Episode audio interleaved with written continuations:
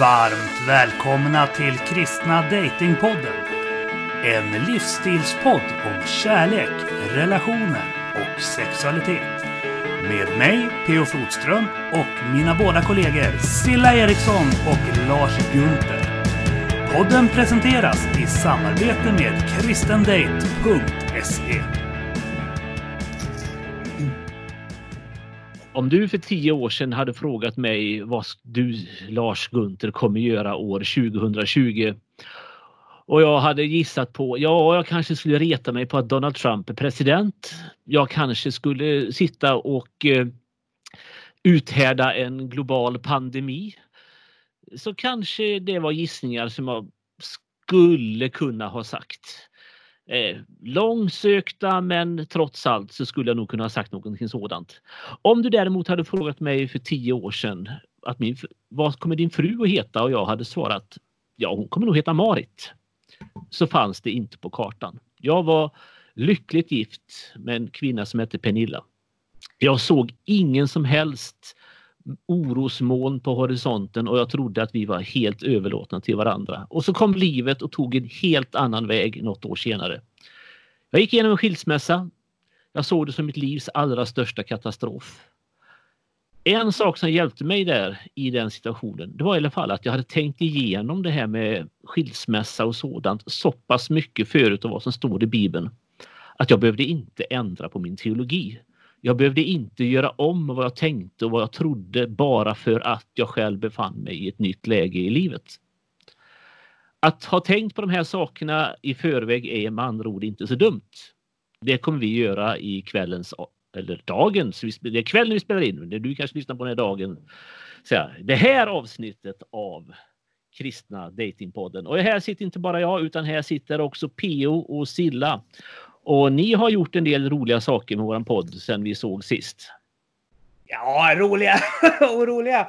Eh, vi körde ju lite sommarspecial där när du hade fastnat i Knutby mentalt i tre veckor. så som resten av svensk kristenhet.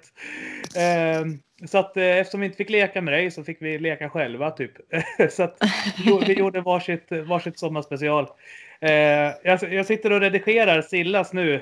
Väldigt inspirerande, precis som hon. Det handlar om hur man kan leva som singel men ändå liksom livet extra allt Eh, och ja, men för, som sagt, vi är ju varandras motsatser där. För att, för att jag, för mig är ju liksom lite grann så här, meningen med livet att eh, eh vara gift och bilda familj. Medan Silla, som jag uppfattar den i alla fall, liksom älskar livet och dricker det som ett eh, törstigt barn i Sahara höll jag på att säga. Nej men, alltså,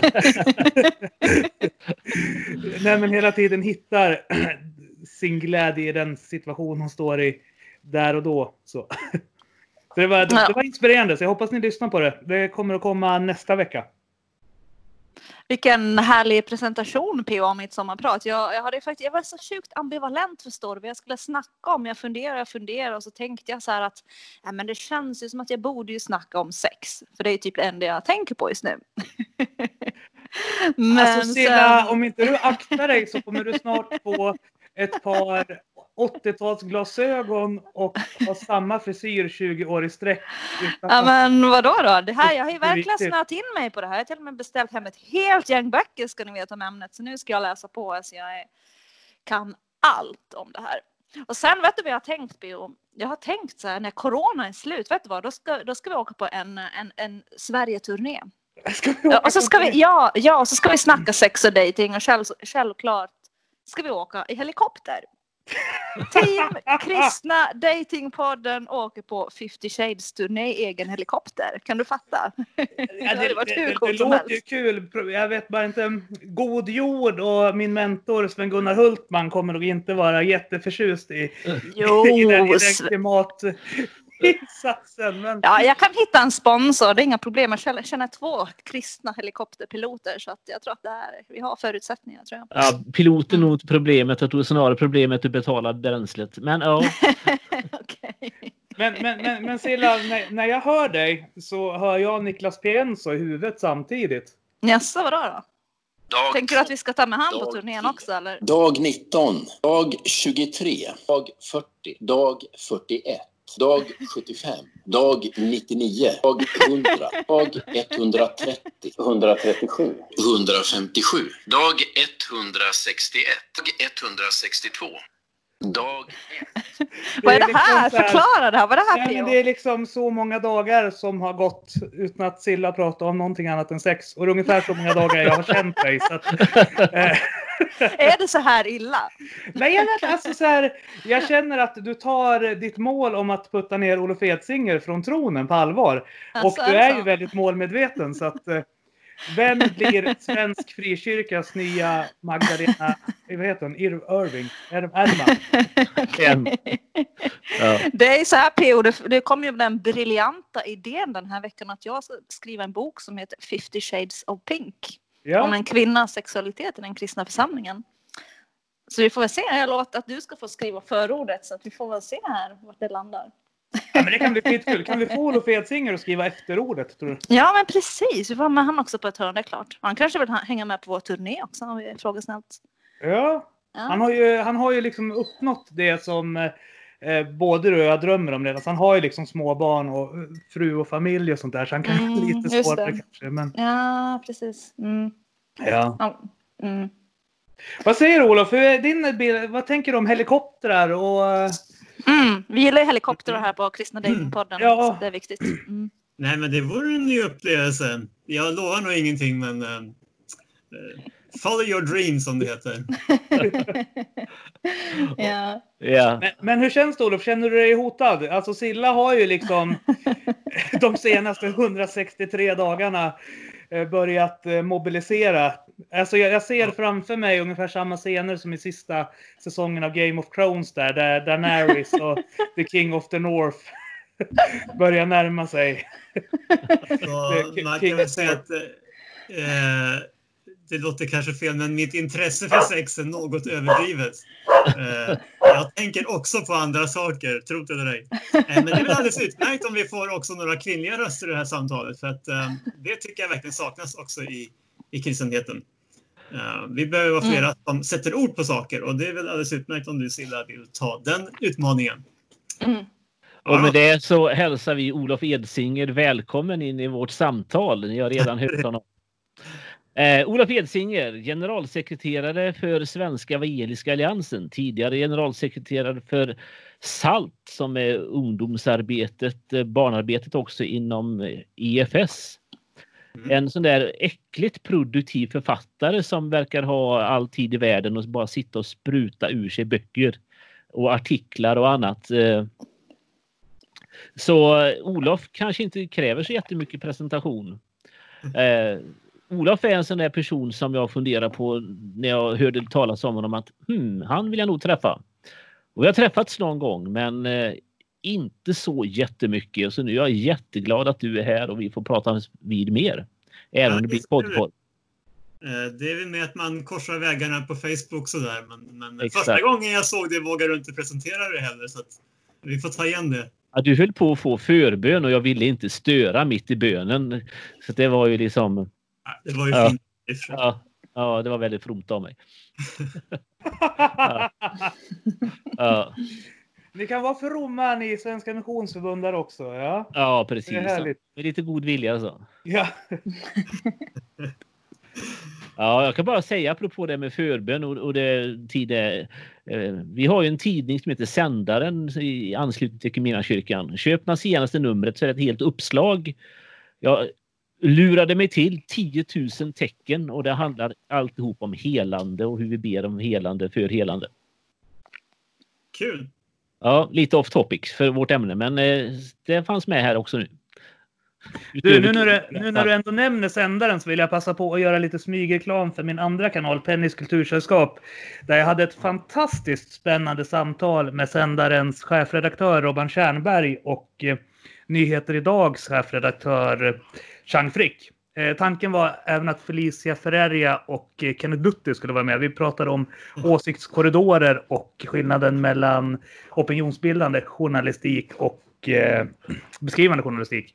Så att är ni intresserade av åsiktskorridorer och om hur eh, samtidsdiskursen har utvecklats så kolla gärna in Pennys kultursällskap och diskussionen mellan Robban Tjernberg och Jean Frick. Slut på reklamen. Ja. Och för att gå tillbaka till Olof, är det något vi har missat här att säga om dig som du vill ha med? För att bilden ska vara komplett. Ja, nej men eh, eh, du sa ju rätt mycket av vad jag har gjort. Jag skriver mycket, det har alla fattat också för det här laget. Um, och eh, du nämnde ju också kanske att jag hade skrivit 15 böcker och, och med det också sagt att jag brinner för många olika frågor. Eh, jag noterar ju det i sociala medier att eh, jag skriver 10 artiklar och en av dem handlar om sexualitet så är det ju den som alla har noterat. Och det är helt okej. Okay. Vi talar om sex idag och vi ska ju också tala om, om äktenskap och, och skilsmässa längre fram. Um, men uh, om man vill verkligen lära känna mig så behöver man ju ha koll på att jag jobbar med många olika frågor och försöker väl också vara lite samtidsspanare rent allmänt. Eh, och jag har ju Världen Idags ledarsida som, som min plattform för att formulera liksom mer samhällsanalys och så. Eh, och sen då, det är egentligen någonting jag gör på fritiden, men, men min huvudsyssla, eh, min anställning är ju som generalsekreterare för Evangeliska alliansen.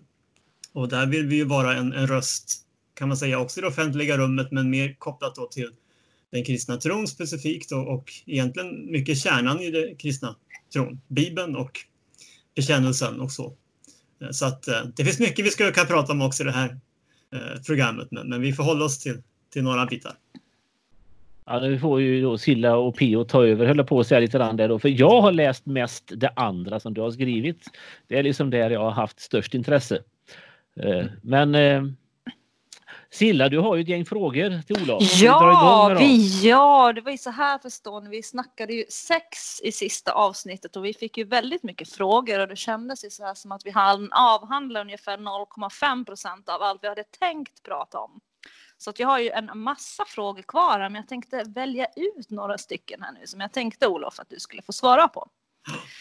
För det första så är jag nyfiken, vi, vi gillar ju 50 shades här på Kristna Datingpodden. Så jag tänkte bara kolla, med helikoptrar och 50 shades Olof, vad, vad, vad säger du om det? Hiss eller diss?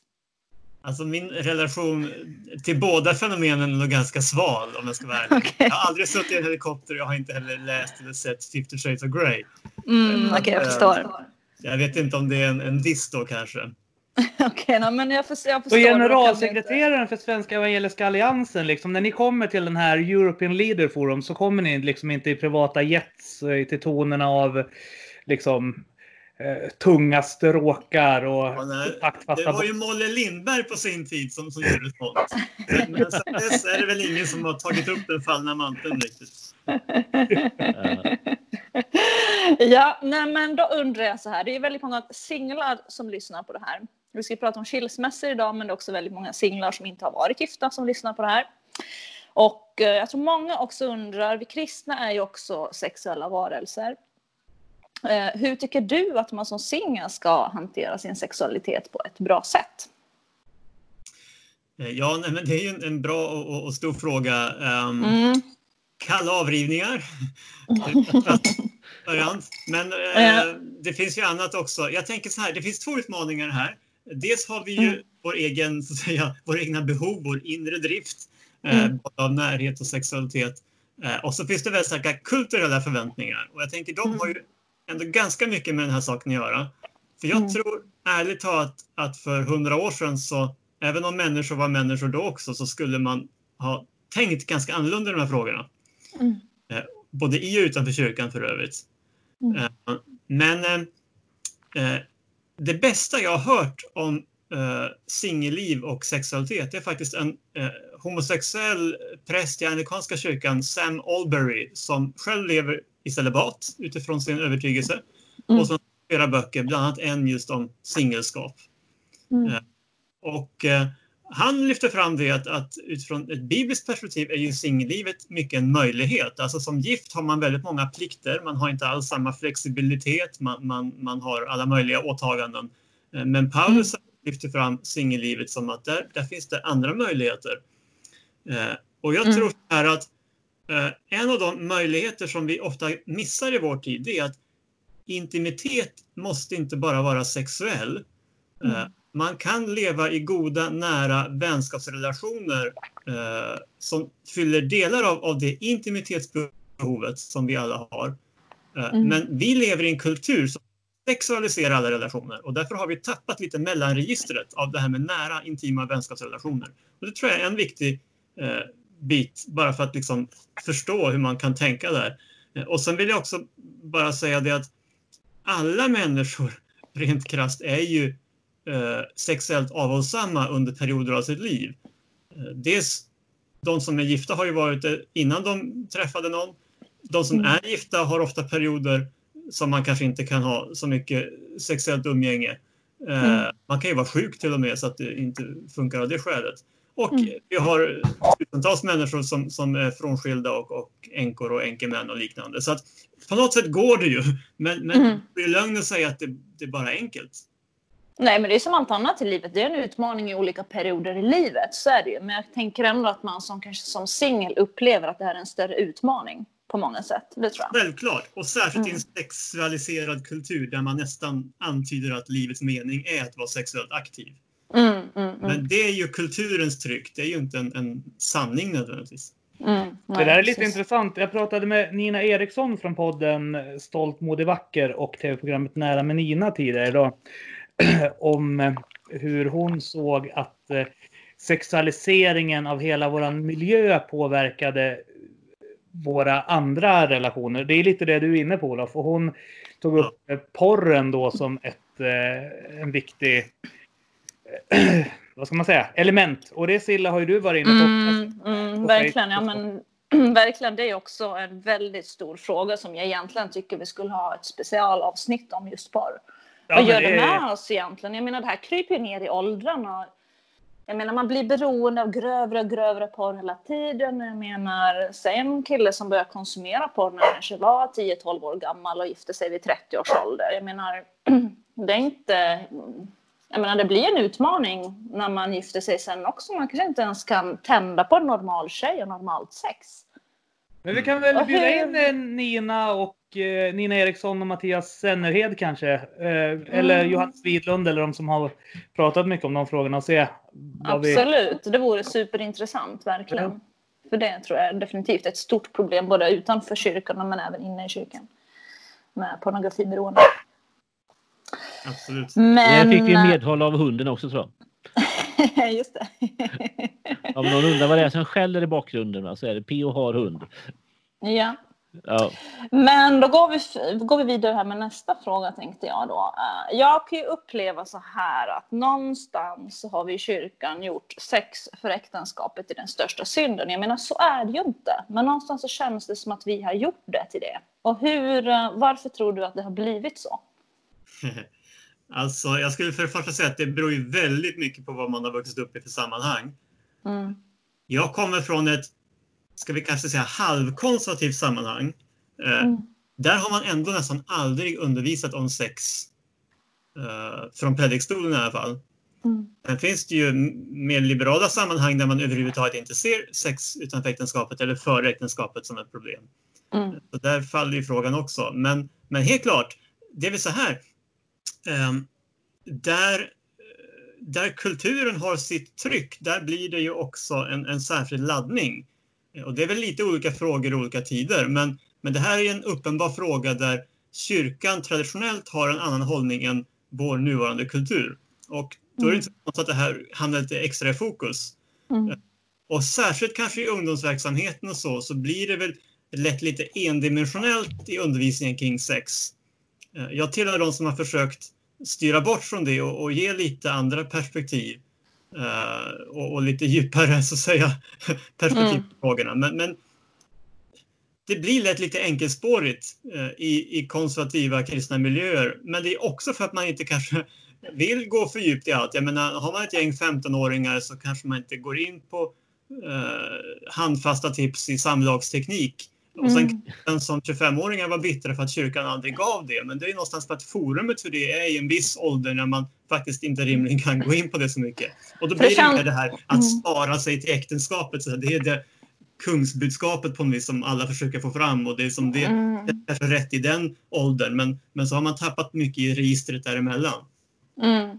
Lars, det blir det blir dig, blir, blir du lika chockad som jag varje gång du faktiskt pratar med Olof och märker vilken nyanserad liksom, person han är? För att min, min åsiktskorridor, eller vad man ska kalla det för, eh, i den så är liksom Olof en dogmatisk extremist, men så fort man pratar med honom så är han ju inte det. Jag, tycker det, jag blir lika chockad och fascinerad varje gång. Ja, jag har hört Olof för mycket för att få den chocken ska jag säga. Så att eh, nej, det, det är precis den bilden jag har av honom. Ja. Ja, men jag tror ändå så att vi behöver lyfta de här frågorna mer och prata om de här frågorna. För det känns ju ofta som att det är väldigt tabubelagt och det blir väldigt skamfyllt också. Och Absolut. jag tror ju också att ungdomar idag har ett väldigt stort behov av att få uttrycka, vad, alltså, uttrycka sig i de här frågorna. Eh, annars så tror jag risken finns att vi kommer att ha sexuellt traumatiserade ungdomar som inte kan njuta av sin sexualitet längre fram just för att det har varit så skambelagt. Mm. Så att på något vis så måste man ändå våga lyfta den här frågan och skapa ett forum där man kan bolla och prata om de här sakerna tror jag. Jo, Och jag skulle vilja inklu- ett av, de, ett av de områden där man kanske också har gjort rätt stora tabbar i, i kyrkan, det har ju också med synen på onani att göra. Mm, mm. Eh, Där man ofta också har varit, tycker jag då, orimligt svartvit. Eh, till exempel beskriver onani rakt av som synd, vilket jag inte menar att Mm. vi kan säga utifrån Bibeln. Sen Mm. är vi nog alla eh, överens om att, att onani kan, kan gå för långt och bli ett beroende och allt sånt där. Men, men summan av kardemumman blir på att, att, som du säger, alltså att det blir, hela området blir skambelagt. Mm. Men jag brukar ju någonstans säga det att det är svårt att, att faktiskt ge sig sexuellt till också sin, sin äkta hälft, sin partner, om man inte faktiskt känner sin egen kropp på något sätt. Alltså någonstans, vi måste Mm, verkligen. någon Mm. slags mellanväg i alla de här frågorna tror jag. Jo, Vi- så jag tror ju inte på det här att det funkar heller att liksom helt klippa av sig själv från sin sexualitet och sen när man fyller 30 och gifter sig då förväntar man sig plötsligt att allt när man gifter sig på bröllopsnatten ska vara tipptopp och liksom funka perfekt. Nej, men Alltså, också det- det det, är funkar del av inte så. problemet. För även det Mm. är en av de här klassiska frikyrkliga klyschorna på något vis. Att Mm, mm. jag gifter dig så löser sig allt. Det är ju Precis. skitsnack. Det är Mm. klart att det tar ganska lång tid att hitta varandra sexuellt. Och jag tror att där Mm. är man en felaktig förväntan. Det är då det där blir en kris. Så Mm. Än en gång, då är kyrkans uppgift att ge nyanserna. Så jag tillhör ju de som tror att sex hör hemma i äktenskapet. Men då får man ju också ha realistiska förväntningar på att Mm. första gången blir inte himmelriket liksom. Alltså, och där är kyrkan också skyldig att, att förmedla det på ett rimligt sätt till, till folk. Mm, mm, mm. Verkligen. Ja. Och jag Olof, tänkte bara en det. snabb fråga innan Lars eh, åt, reflekterar kring svar. Eh, förra avsnittet så ägnade vi ju en dryg timme åt att diskutera lite grann vad sex var. Vad, vad skulle du säga att sex är? Alltså, vad är sex och vad är mys? För att använda Sillas term. Mm, precis. Vart drar man gränsen egentligen? Va, var det jag som fick den är frågan? svartvitt? Ja, alltså sexualiteten är ju någonting naturligtvis mycket bredare eh, än, än sex. Men, men för mig är ju eh, syftet med, med samlaget, det är ju att Eh, på djupet bekräfta att man har överlåtit sig till den andra personen. Det är en förening till ande, själ och kropp. Varje människa består av ande, själ och kropp. Och när vi blir ett så menar jag att det berör alla de tre skikten i en människa. Och det har sitt sammanhang i att man har någonstans sagt till varandra att jag vill inte bara dela sängen med dig, jag vill faktiskt dela hela mitt liv med dig. Och det, när den bekännelsen finns, den överlåtelsen, eh, det Bibeln skulle beskriva som ett äktenskapsförbund, eh, om man så att säga förstår vad det faktiskt innebär och inte bara har det som ett ord, utan innebörden det, det ger också en rikedom åt, åt samlaget och, och, och den sexuella föreningen. Eh, så så tänker jag enkelt bara kring syftet med sex på något vis och vad, vad det faktiskt gör. Och just att det går så djupt är ju naturligtvis också orsaken till att när, när det går snett kring sexualiteten och särskilt kopplat till övergrepp och liknande eh, så skär det väldigt djupt. Och jag kan förundras över att det fortfarande i vår tid finns röster som säger att sex bara skulle vara kroppar som möts. Eh, jag tycker det är så uppenbart att eh, som sagt, när det går snett så, så, så gör det så djupa spår. Och det i sig visar att när sex också är rätt så går det djupt och blir till välsignelse på ett djupare plan. Jag tycker det är lite spännande att demisexualitet ses som en fetisch eller liksom en sexuell avvikelse från normen. För jag tänker att demisexualitet borde på något sätt, eller jag vet inte, den, den känns bara gudomlig på något vis när, när, man, när man beskriver vad den innebär. Alltså så här, att vi borde alla vara lite mer demisexuella liksom. Men den räknas som en sexuell minoritet. Så det tycker jag är lite spännande. Mm. Nu tycker jag Lars må- måste få komma in. Han blev lite Ja, jag, har gjort, jag har gjort några tappra försök så nu, nu väntar jag på att det blir ordentligt tysta innan jag kommer in.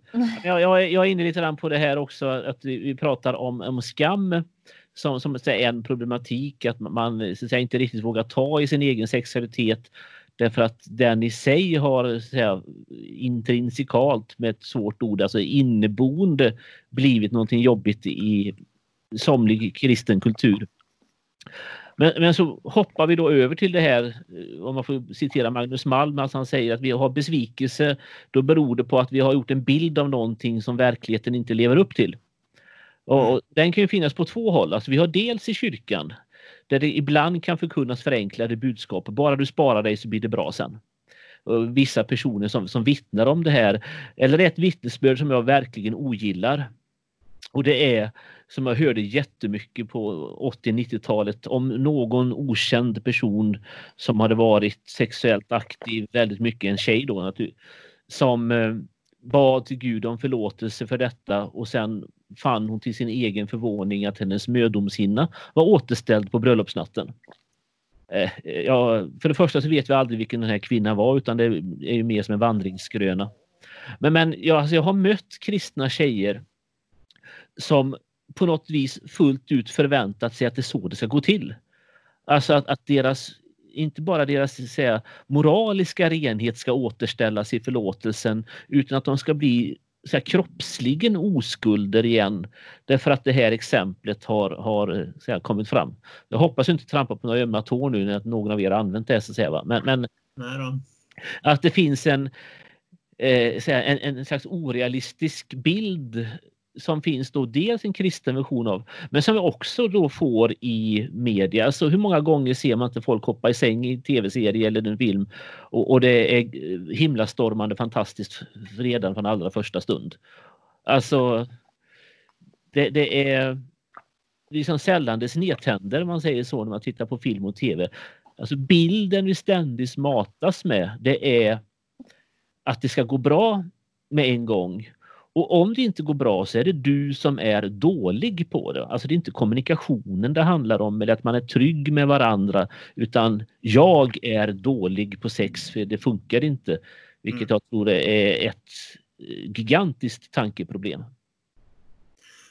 Nej, och där tänker jag, för att gå tillbaka till, till det jag sa om ande, själ och kropp. Alltså, jag tror ju på riktigt att sexualiteten har bästa tänkbara förutsättningar i en sån trygg relation där man faktiskt vet att, att jag har överlåtit mig till dig på djupet även om vi har en dålig dag och en dålig eh, stund i sängen.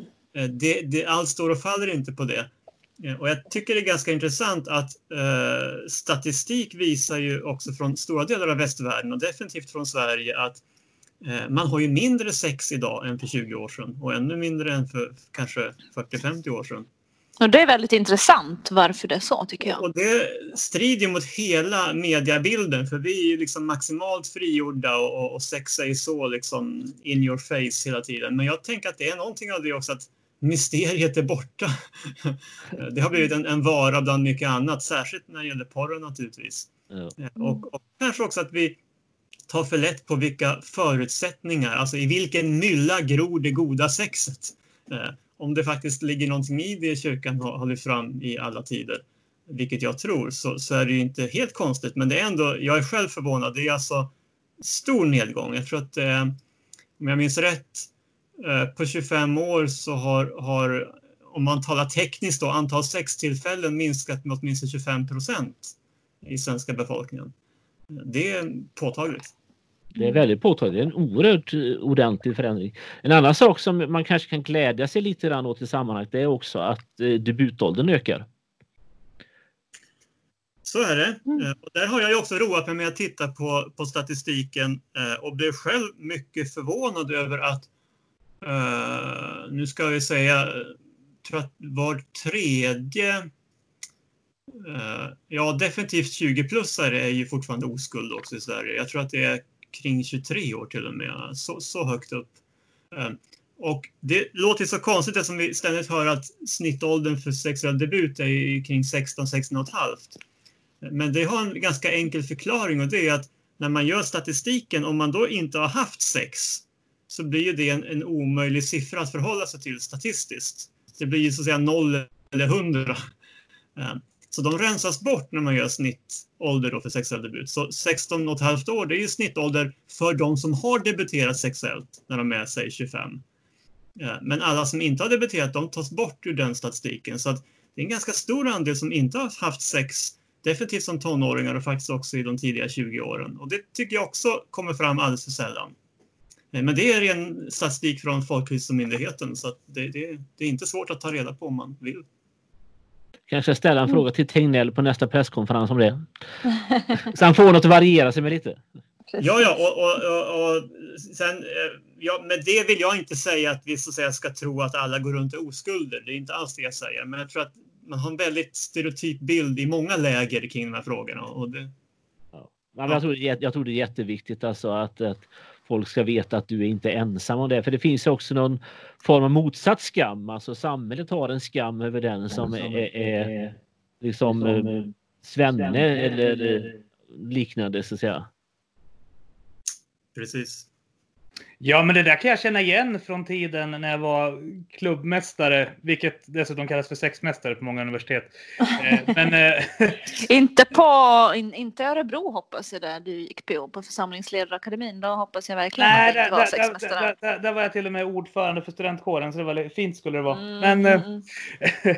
på Gävle studentkår, och där fanns det ju liksom en kultur där man, de som liksom var coola, trendiga, de, de som var liksom mog, de man såg som mogna. Det var de som kunde ha sex med många olika människor utan att få känslor för dem. Att få känslor för någon för att du hade sex med den såg som ett tecken på lite omognad så.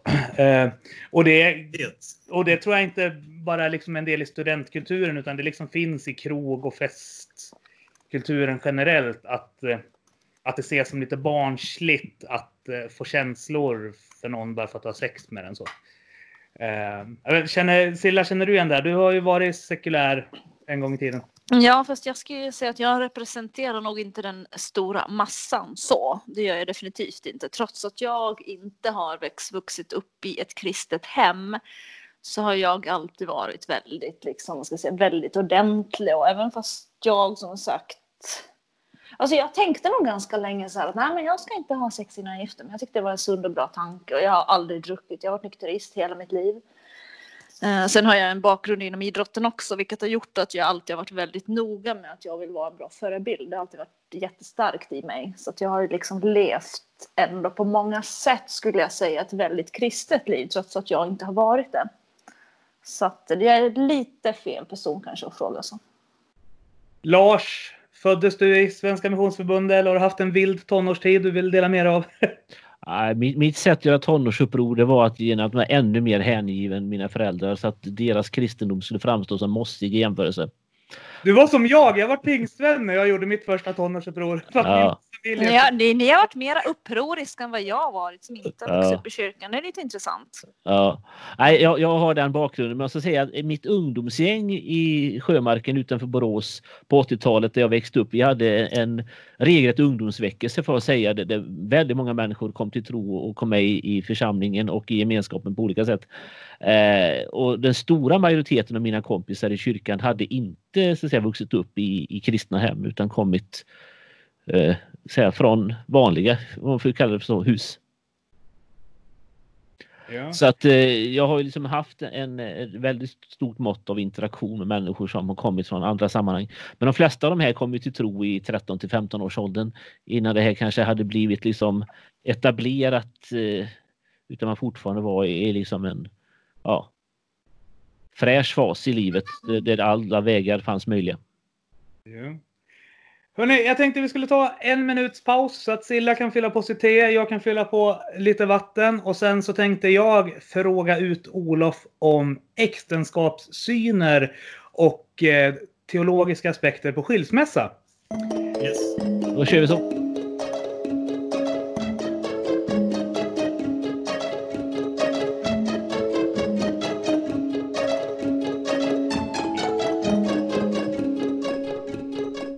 Hörni vänner, det blev faktiskt så här att eh, vi kom fram till att avrunda för den här gången redan nu.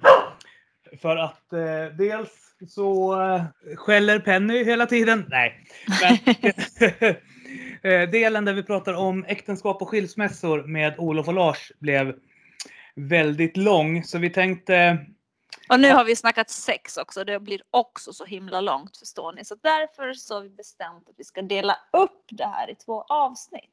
Yes. Eh, för att en del av er tycker att det blir lite tardigt, lite skäligt när vi börjar gå över en Mm, timme. En del tycker till och med att en halvtimme är lagom. Eh, Mm. Jag och Silla har väl försökt hitta någon kompromiss där, där jag försöker hålla nere och jag vet inte om det är någon ansträngning för dig Silla egentligen att hålla upp det för att jag tycker du är ganska lättpratad så. Ja, men alltså jag tycker också så här en halvtimme, 45 minuter är ganska lagom. Du vet, då kan ju folk lyssna på den här podden på väg till jobbet. Så tänker man här i Stockholm, förstår du. Vet du hur vi Blir tänker? det två timmar P.O. då blir det lite långtradigt. Då, då, nej, jag tror vi skulle ha mera lyssnare faktiskt om vi kortade ner våra avsnitt lite grann. Vet du hur vi tänker här i Dalarna? Ja, Eh, att ett avsnitt ska avnjutas i spat eller i du bad. tänker så. Mm, just det, jag förstår. Du sitter där två timmar varje kväll så jag förstår. Jajamän. Nej, inte varje. Men kanske varje fredagkväll. Och då, eh, Ja. eh, Jag brukar lyssna på Apologia-podden, Second Opinion från Svenska Evangeliska Alliansen, Jesus Feministpodden, Stolt mm. Dålig Ja. Liturgi dödar, Aten Jerusalem också en stor favorit. Vad är, vad är dina favoritpoddar förresten Silla? Ja, alltså jag eh, lyssnar ju just nu. Får jag gissa, får jag gissa, får jag gissa, får jag gissa? jag gissa? Ja, okej, ja, ja. Du gillar Framgångspodden! Med, Jajamän! ja men den är faktiskt väldigt bra. Han har så inspirerande gäster varje gång. Verkligen allt från Petter Stordalen till alltså, verkligen alla möjliga. Så man får riktigt energiboost. Sen lyssnar jag på Så kan det gå podden också faktiskt lite grann. Det är ganska mycket så relationer och dating och sådana saker också. Så det har jag också snöat in mig på. Tycker det är väldigt intressant. Ja. Så de just nu. Och sen lyssnar jag ganska mycket på Hillsong och predikningar och sådär när jag är ute och tränar faktiskt. Också väldigt kul. Så, um, men de här dina poddar, de har, de har inte avsnitt så långa som två timmar hoppas jag. Eller? Ja, ja, de kan ligga på mellan kanske en timme och en kvart till upp mot två timmar ibland. Mhm. Eh, de, de som håller sig lite kortare det är väl Jesus Feministpodden och eh, Apologia-podden och Second Opinion. De ligger Mm. lite kortare så, kanske 35 till 45 minuter. Men Ja. Ate- Aten Jerusalem och eh, ibland även podden Jesusfolket, de blygs inte för att köra på i två timmar ibland. Just det. Mm. Ja, dålig liturgi dödar, ja en timme. De har ett jätteroligt av, grej i varje avsnitt som heter Den kristna ankdammen. Fantastiskt. Ah, just det, men jag sa något om det där. Du skrev något om det där. Ja, just det. Mm. Ja, så jag kan rekommendera Precis. våra lyssnare att kolla in dem enbart för den delen. Så. ja, ja, ja. Just det. Mm, vad roligt. Yes. Mm. Men Silla, hur eh, tyckte, du, hur tyckte du att det gick? Eh, Liksom lyckades du etablera din position som utmanare till Olof Edsinger, liksom som frikyrkans liksom, Ja, nej, men alltså jag, jag ser mig fortfarande som ganska grön på det här området. Jag har ju beställt hem ska jag säga, ett helt gäng nu med sex böcker. Så nu ska jag liksom börja studera och jag ska läsa på och jag ska liksom lära mig allt. Så, så att jag, nej, um, han har ju kommit lite längre den där Olof än vad jag har gjort. Så, Ja. så jag får återkomma efter några år då kanske jag är lite mer på hans nivå. Ja. Ja, men det, det är bra att man är ödmjuk inför sina, vad ska man kalla det för, teologiska förebilder så att man inte... Eller hur? Mm. Men du, jag tänkte eh, i nästa avsnitt så blir det ju ett, eh, eller ja, då blir det ju sommarprat, sommarspecial Ja, precis. Hela samma livet. ja. Mm, precis. om hur du kan vara glad, lycklig, tacksam som singel. Mhm, Men i avsnittet därefter så blir det ju ett Silla Bride to be. mhm. Eh, där Olof Edsinger ska få ersätta mig som din datingcoach. Men jag tänkte nu eftersom det blir Mm. två avsnitt så kan vi köra ett litet mini Silla Bride to be.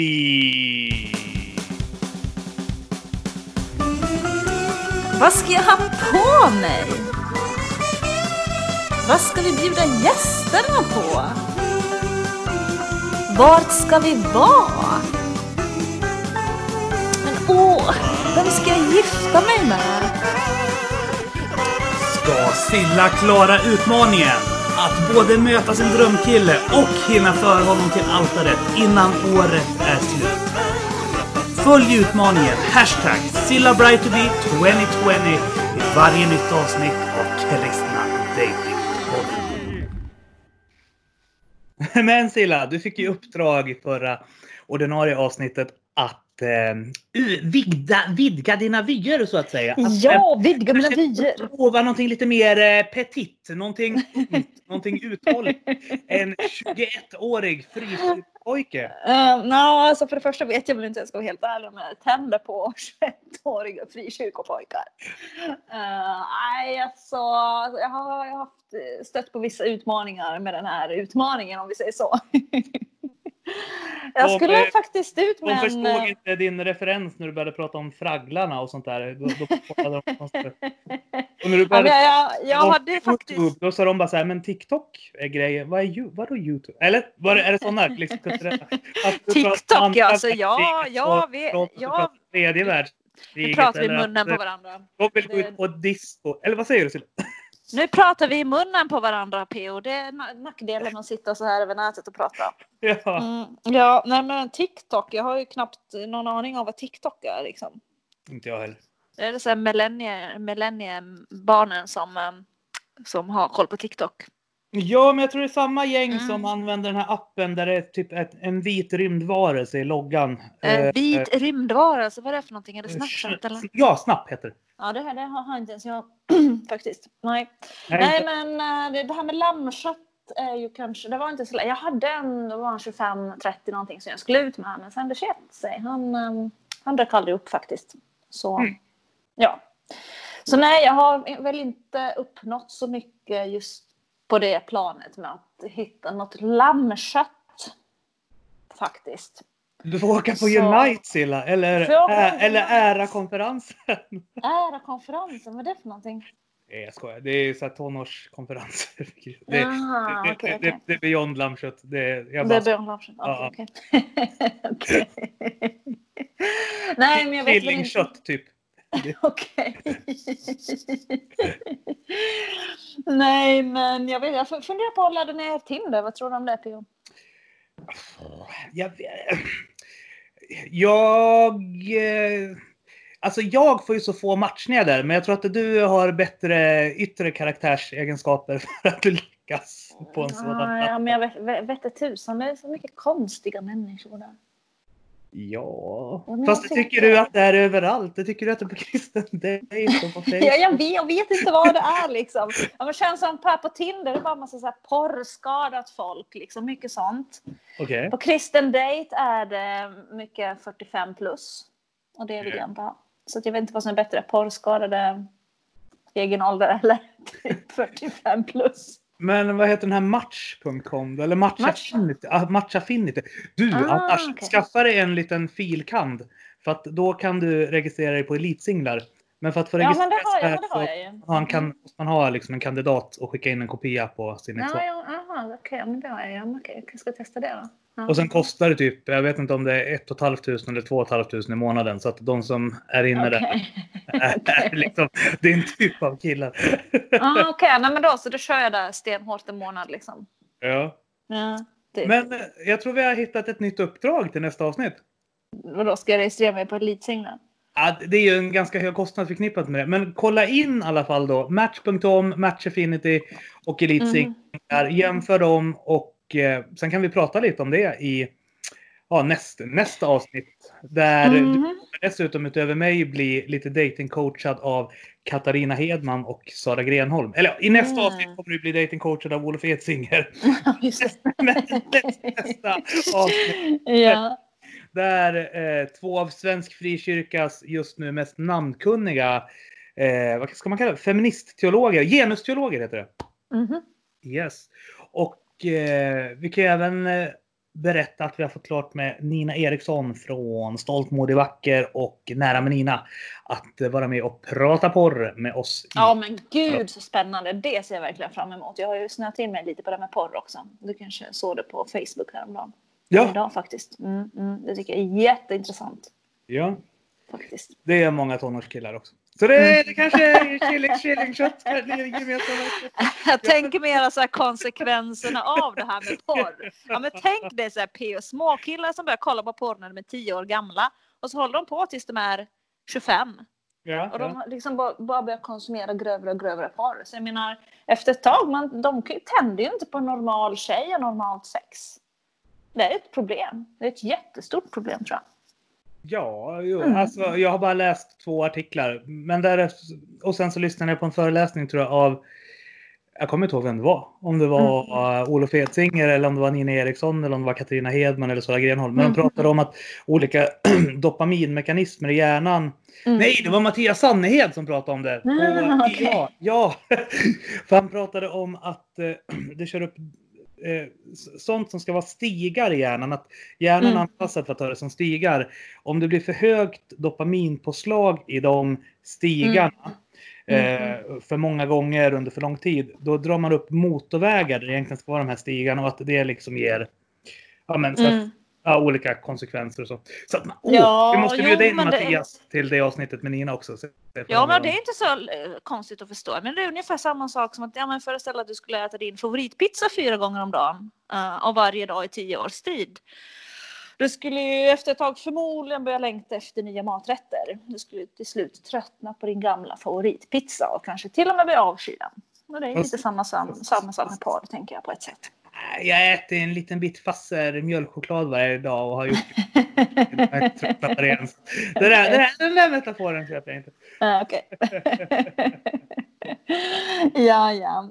Ja. ja. Eh, Om vi ska ha, ta en seriös grej också. Då. eh, Min exfru umgick sig med varje dag nästan i åtta års tid och jag tröttnade aldrig på henne på det viset heller. Jag hade liksom velat umgås med henne varje dag för resten av livet. Så att, ja, jag Mm, mm. ät den metaforen. Nej, det kanske, nej, det kanske inte håller hela vägen. Mm. Mm. Men du borde kolla in Fasser choklad, du som är lite finlandssvensk. Det är Mm, mm, mm. ett finskt chokladföretag, mycket bättre än Marabou. Jag vet, jag är ju från Finland och jag gillar Fazer 111 gånger mer än Marabou faktiskt. Ja, det är, en Det liten- köper jag helt. det är så runt och gott. Ja, Mm, mm, mm, absolut. choklad, chokladpodden höll det på att bli nu. Men, Chokladpodden, ja du ser, kanske ska starta Ja. den. Mm. ja, eh, Den så, såg du tittar också. Göran, Göran Reijerstams eh, idé förresten? Nej. Han, han och Jakob Andelius hade ju någon idé om att försöka dra igång en, en kristen politikpodd som skulle heta Utan skygglappar. Jaså, finns det ingen kristen politikpodd eller? Nej, inte vad jag vet. Vem skulle det vara? Det är i så fall Mm. tänker dig Lars Enarsson har ju sin videologg, men det, han är ju liksom ledare för en SD-sekt. Så att det enda Mm, Okej. är ju hur, hur, hur bra Sverigedemokraterna är. Liksom. Ah, ja, okej, jag fattar. Ja, nej, men varför inte? Do it. Ja. Mm. Ja. Men eh, ja, eh, nästa gång som sagt eh, så är det Sillas sommarspecial. Sen efter det blir det del två av eh, det samtal vi hade ikväll med Olof Edsinger om olika äktenskapssyner och eh, skilsmässa och lite grann teologi kring det. Eh, och sen ska Silla på semester i, på Öland och Gotland. Ja. Sen är du tillbaka för att göra Jajamän. med Jesus Feministpodden. Men eh, vad ska vi säga? Stort tack för att ni har lyssnat på oss även denna gång. Vill- Jajamän. Vill du ha äran att eh, ge våra lyssnare en stor, eh, vad heter det, styrkekram? Ja, stor styrkegram och massa puss och kram från oss så hörs vi och ses snart igen. Och jag säger som Svenska Evangeliska Alliansen. Handhjärta, handhjärta, handhjärta.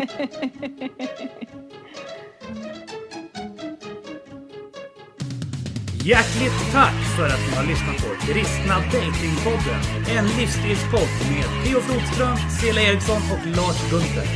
I samarbete med kristendate.se.